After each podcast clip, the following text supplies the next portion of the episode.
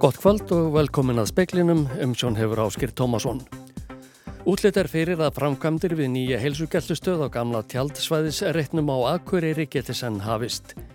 Gjaldskilda verður sett á bílastæði 20 gatna í miðborgar Reykjavíkur eh, sem áður voru rétt utan við gjaldsvæðin.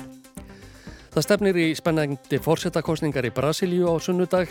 Sittjandi fórseti er undir í skoðanakonunum en treystir á að þær gefi ranga mynd af fylginu. Langtíma rannsóknleðir í ljósað breyting hefur orðið á andlegri líðan barna og ungmenna hér á landi síðustu tíu ár.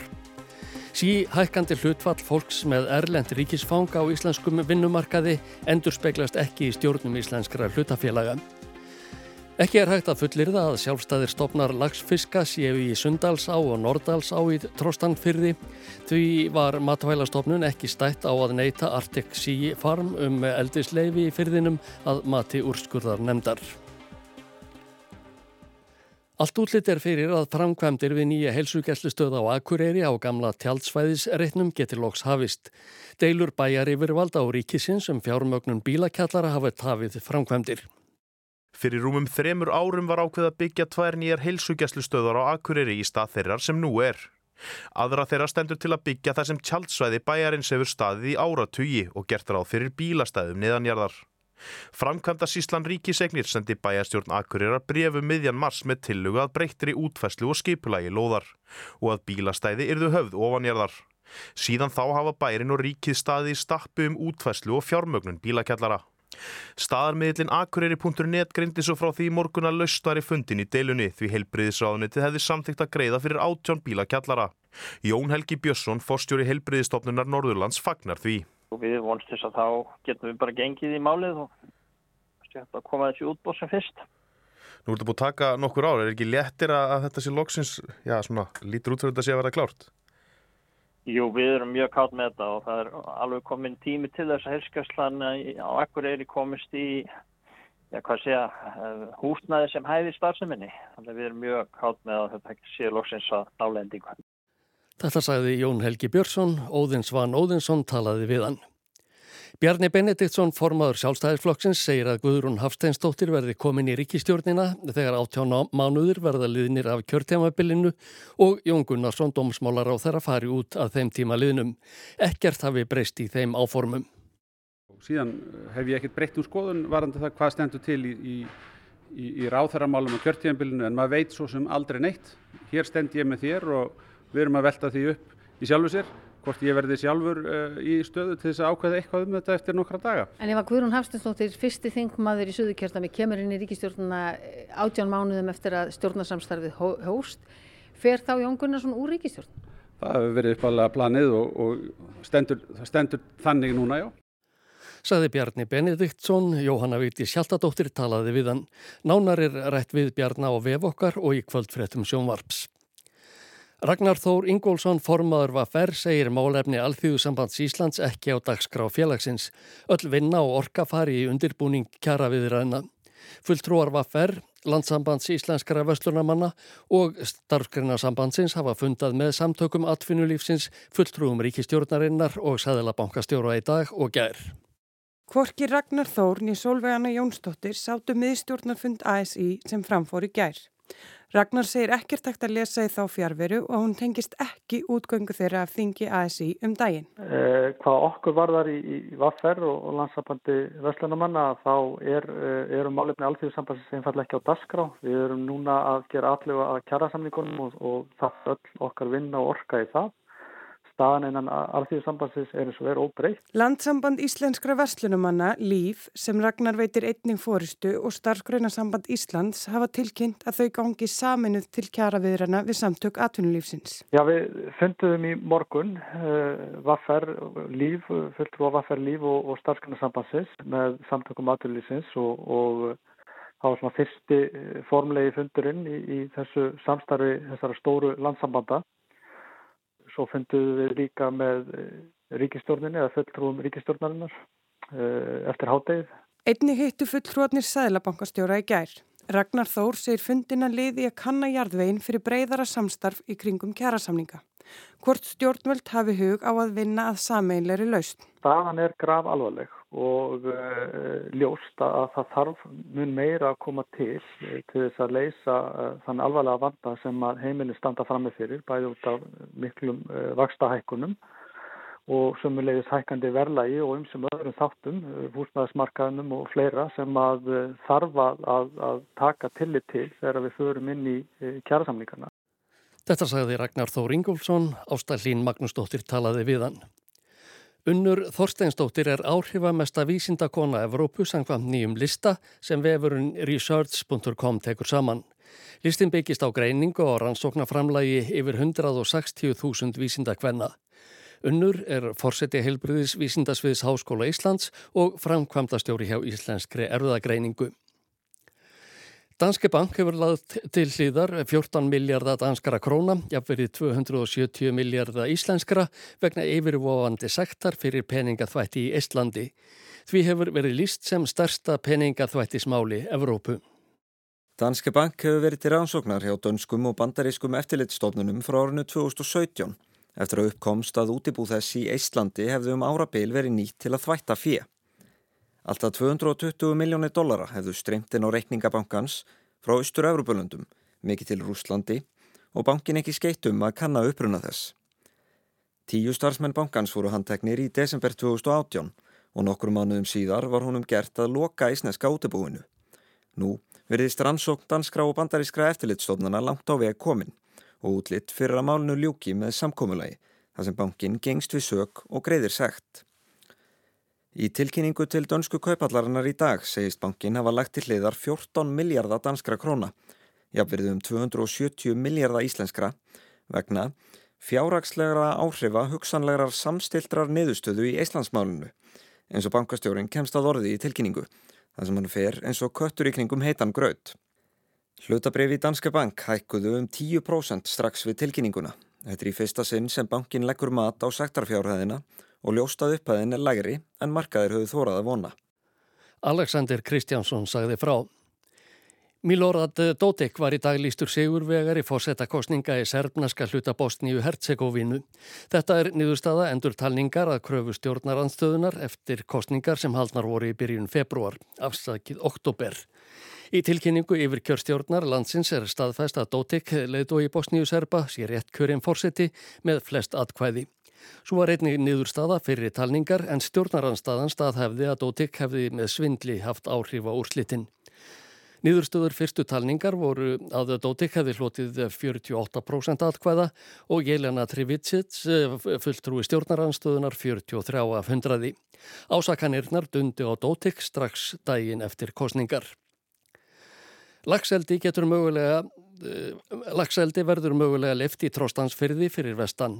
Úrskurðar nefnd feldi úr gildi ákvarðun matvælastofnunar um að sinja Arctic Sea Farm um leifi fyrir eldi í fyrðinum. Arctic Sea Farm undir býr 4.000 tonna lagseldi í Arnarfyrði og á eitt eldisvæðið að vera í tróstansfyrði sem gengur inn úr Arnarfyrði. Matvælastofnun sinjaði umsókninni þar vegna þess að kvíjarnar eruðu of nálagt ám með viltum lagsi.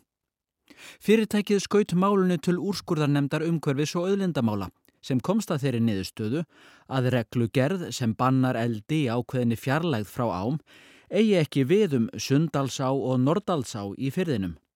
Til að árnar falli undir reglugerðina þurfi þær að vera með vilda stopna lagsfiska. Vegna þess hver lítið af lagsi er í ánum taldi úrskurðarnemdin ekki sjálfgefið að þar væru sjálfstæðir stopnar. Úrskurðanemdin segir að ekki verði hjá því litið að fjöldi lagsfiska í ánum verðist ekki þóla sjálfbæra veiðnýtingu upp á 50 fiska meðalveiði á 10 ára tímabili en þau mörg eru komin frá Hafrannsóknastofnun. Sústofnun hafi komist að þeirri niðurstöðu að stofnarnir í Sundalsá og Nordalsá falli vegna smæðar sinnar utan verndar í reglugerð. Úrskurðanemdin taldi því að matvælastofnun hefði ekki verið stætt á að sinja Arctic Sea Farm um eldisleifi í Trostansferði og beinir til mast að endur skoða þá ákvarðin. Rúnarsnær Reynisson sagði frá. Breyting hefur orðið á andlegri líðan barna og ungmenna hér á landi síðustu ár. Þetta kemur fram í langtíma rannsóknum, rannsóknar og greiningar.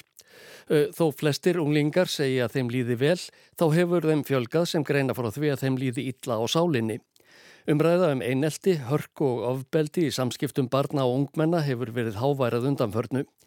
Hver er þáttur samfélagsmiðla og snjalltækja? Eru foreldrar og fullornir góðar fyrirmyndir í háttvísi og góðum síðum? Ingi Björg Eva Þóristóttir, eh, doktor í sálfræði og sérfræðingur hjá Planet Youth, íslensku fyrirtæki sem vinnur að því að innleiða íslenska forvarnanmótil rannsóknar og greiningar erlendis. Við erum búin að fylgjast með þessari þróun í andleri líða núna í áratýji og árið 2012-13 þá fyrir við að sjá breytingar þar sem ungmenni eru frekar að greina frá andleri vanlíðan heldur en áður og þá sérstaklega stelpur.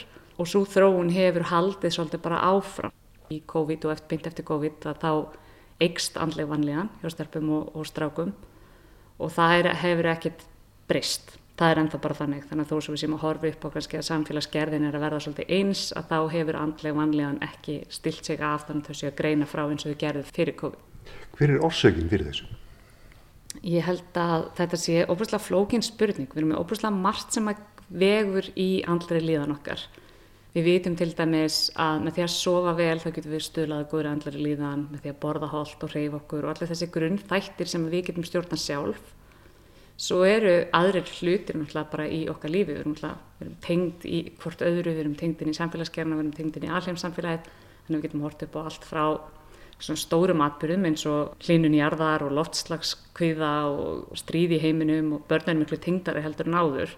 Og svo getum við hort nær okkur líka breytt samskiptamunstur og þar geta samfélagsmiðlar vissulega komið inn í að við erum að horfa upp á að samskiptin hafa breyst, eh, það eru aðrir svona ferlar eins og kannski félagslegu samanburður eða óttin með að missa af eða annað sem kannski getur ykst með tilkominn samfélagsmiðla vegna þess að við sjáum í raun og veru meira hvað aðrir að gera og félagslegu samanburður er ekki lengur bara einhvern veginn við jafningi okkar í skólanum, það er kannski við aðra jafningja í öðrum skólum sem að líti út fyrir að hafa hlutina allt öðru sem heldur en það gera.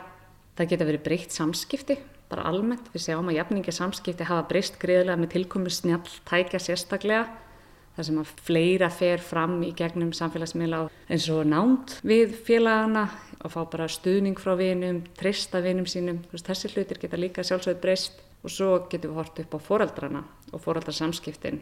Við sjáum til dæmis núna að greina síður frá að fóröldra er að setja stranga reglur á heimilin þannig að það virðist verið eitthvað svona smá svona losara bragur gagvart börnum og þá reglum og hvaða áhrif hefur það á líka samskipti og eftirlit og annað.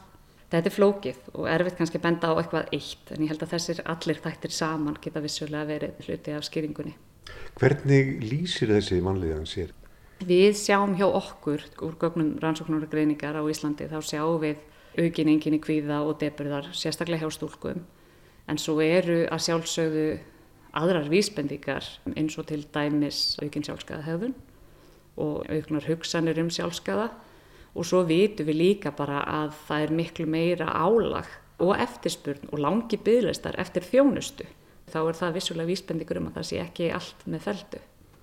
Þú nefndir hérna fóreldra og hlutverk þeirra nú hafa komið upp á undan höfnum vikum erfið eineltismál sem hafa verið ofinberuð. Eru fóreldrar í dag, eru þeir verri fyrirmynd heldur en þeir voru áður? Ég held sko að fóreldrar í dag eru ég get bara sagt fyrir sjálf mig, eru með gríðarlega miklar kröfur á sig sem foreldrar. Veist, fólk vinnur gríðarlega mikið allar jafnan, það eru alls konar álíkjarengjur um hvað þú átt að gera og hvað ekki. Þú, veist, þú átt ekki að setja bóða börn, þú átt ekki að segja nei en þú átt samt ekki að lifa hitt og ekki að lifa þetta og ég held að það sé óbúslega flókið að vera foreldri í þessum heimi. En að sama tíma þá sjáum við alveg að fullorðið fólk, hvort sem það er bara foreldrar eða ekki, leifa sér alveg óbúslega skadlega og ljóta hegðun á samfélagsmiðlum og kannski bara í samskiptum almennt, eitthvað sem við höfum ekkert endilega vanist í okkar samfélagi. Það að þú setir eitthvað út sem er þín skoðun og þú átt síðan bara vona og ykkur ætlir bara að taka það lífið að fara í þína personu sérstaklega vegna þess að það er bara ósamálaðir og ef við tökum þetta ræðilega eineltismál sem er svo sannlega ekkit einstæmi öllum skólum hafi orðið ykkur umræða um snabbtjátt og hvernig á að leifa það og þessi slæm samskipti þar inni og fóreldrar viti þetta alveg en samt er verið að leifa þetta og það er óbúslega erfitt að stoppa eitthvað sem hún sérði ekki.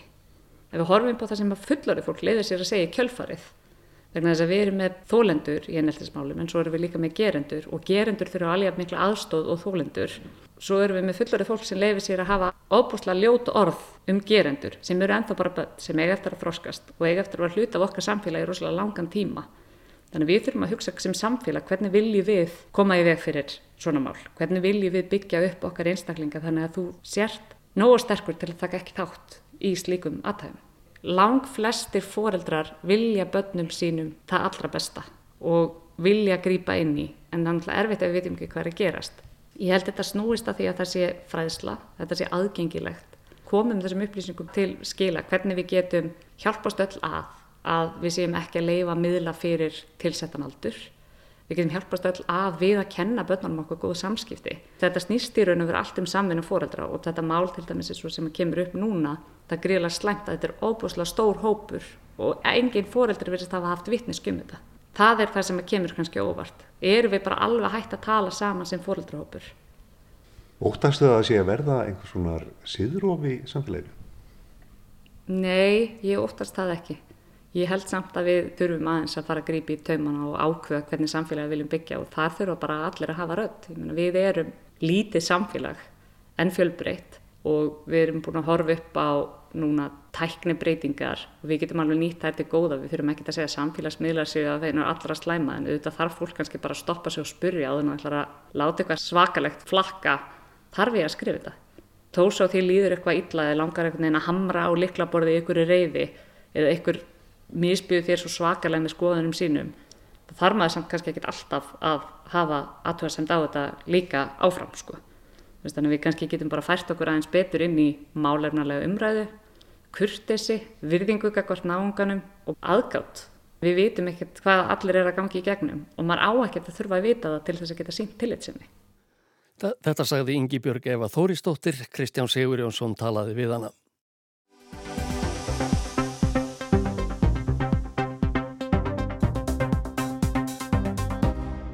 Útlitt er fyrir að síðari umferð fórsetakostningana í Brasilíu verði æsi spennandi.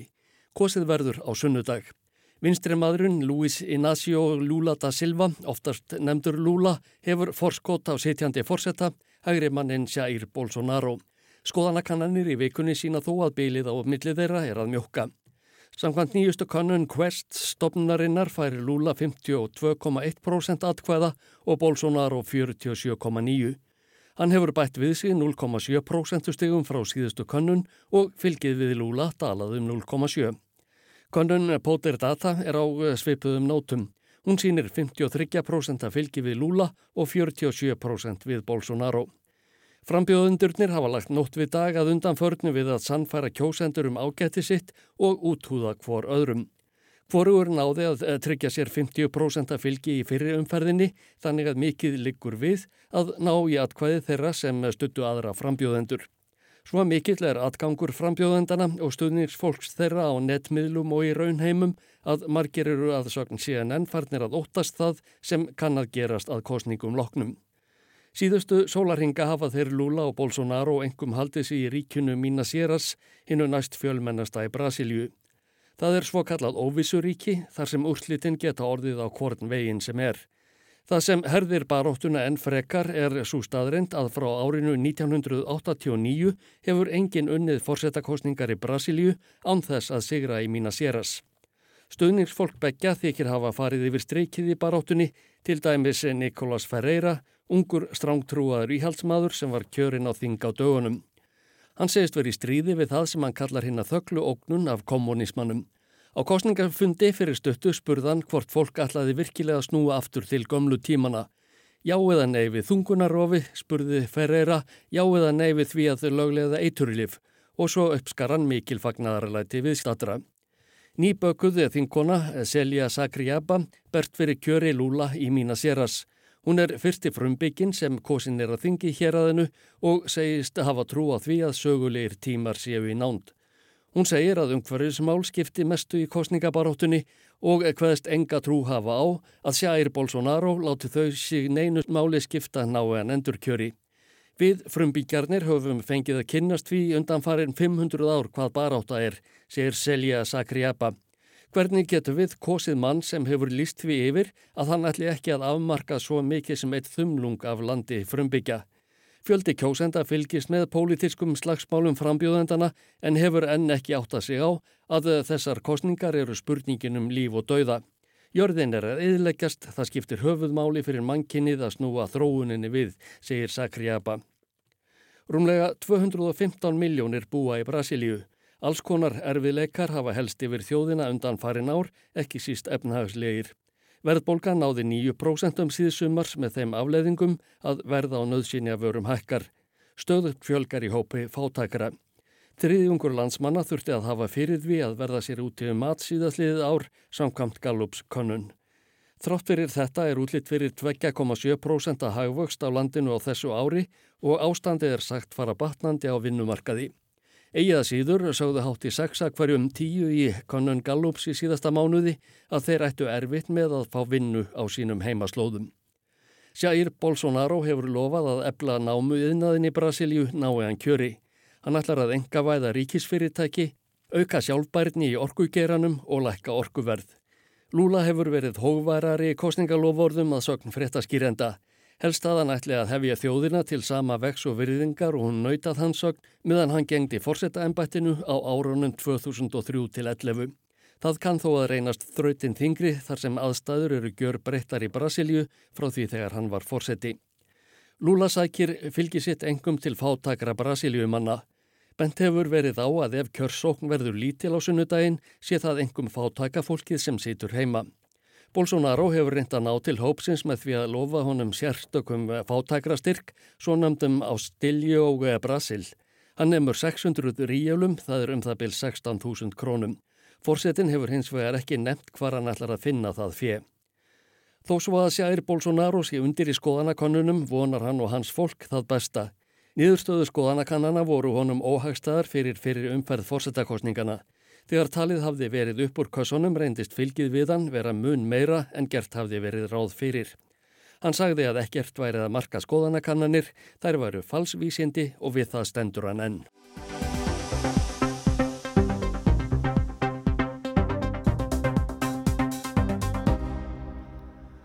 Síhækkandi hlutfatt fólks á vinnumarkaði hér er með eh, erlendi ríkisfang eh, eða fætt í útlöndum. Því fer færri að það endur speglist í stjórnum íslenskra hlutafélaga. Innan við 5% íslenskra hlutafélaga eru með erlendan stjórnarmann en hlutfall útlendinga á vinnumarkaði er um 20%. Upprunni stjórnarmanna hefur lítið verið rannsakaður. Nýðurstöður um áhrifin eru nokkuð misvísandi en vann nýtt færni og mentun innflýtjenda er samt talin veruleg sóun. Nýlega fjallaði Gilvi Magnússon, professor í viðskiptafræði við Háskóli Íslands, um úttækt sem hann gerði með Símónu Varækæti og Ingu Mínelgæti á því sem kallað er þjóðuleg fjölbreytni í stjórnum fyrirtækja. Rannsóknin byggist á gögnum frá Háskóli Íslands sem ekki voru aðgengileg fyrr og þetta er því fyrsta sinn sem þetta beinlinni skoðað hér. Þetta er e, flötur á íslensku efnarslífi sem hefur verið mjög lítið eða nánast ekkert skoðaður þar sé að hvaðan koma þeir sem að stjórna íslenskum hlutafélögum og enga hlutafélögum.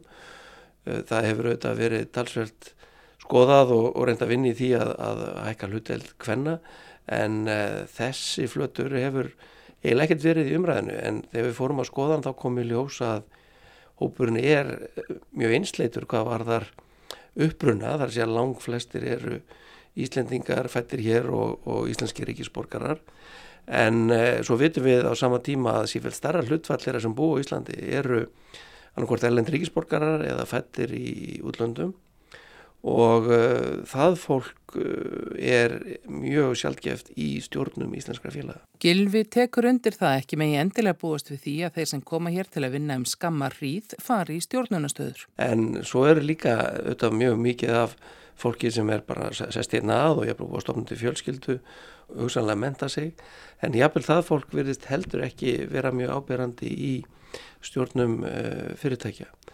Það er að vísu svolítið mismundi eftir atvinningreinum og í þeim atvinningreinum þar sem innflytjendur eru mest ábyrrandi eins og í ferðarþjónustu, uh, hótelgeranum og, og veitingageranum, bílaviðgerum og svona eins og uh, sem krefst ekki háskólamöntunar allavega, hugsanlega yðinmöntunar, að það, það er helst í þeim geirum sem að, að við sjáum fólk af velendum uppruna í stjórnum fyrirtækja.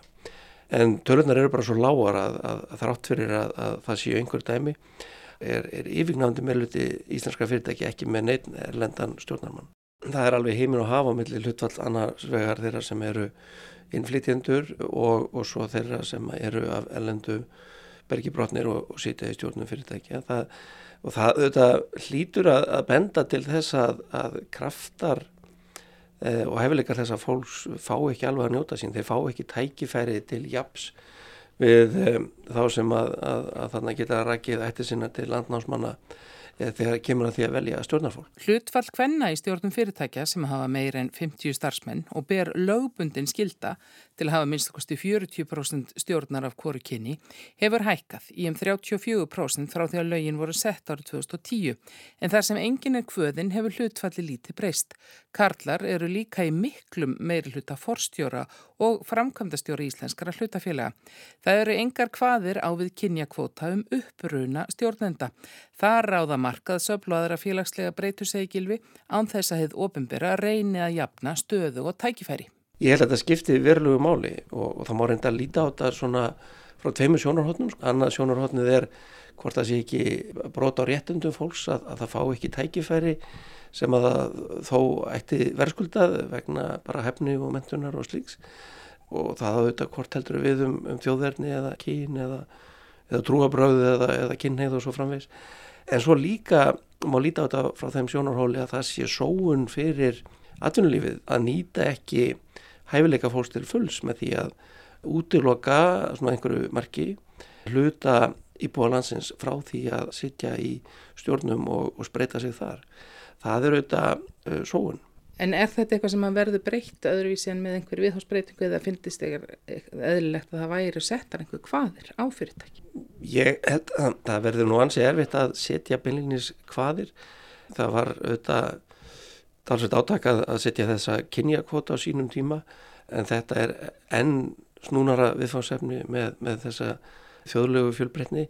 Þannig ég sé nú ekki fyrir mér að, að einhver slík slikt valbóð að ofan gæti leist málið en það er örglega hægt að gera ímislegt án þess.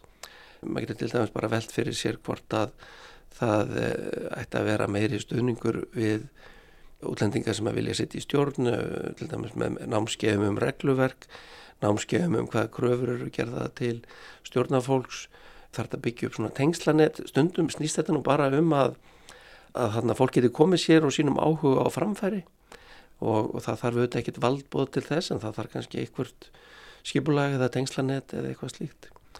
Og um, það er auðvitað áhrifa miklir aðilar sem að hafa áhrif á skipan stjórna til dæmis lífyrísjóðu sem að náttúrulega skipa oft í, einstaklinga í stjórnir.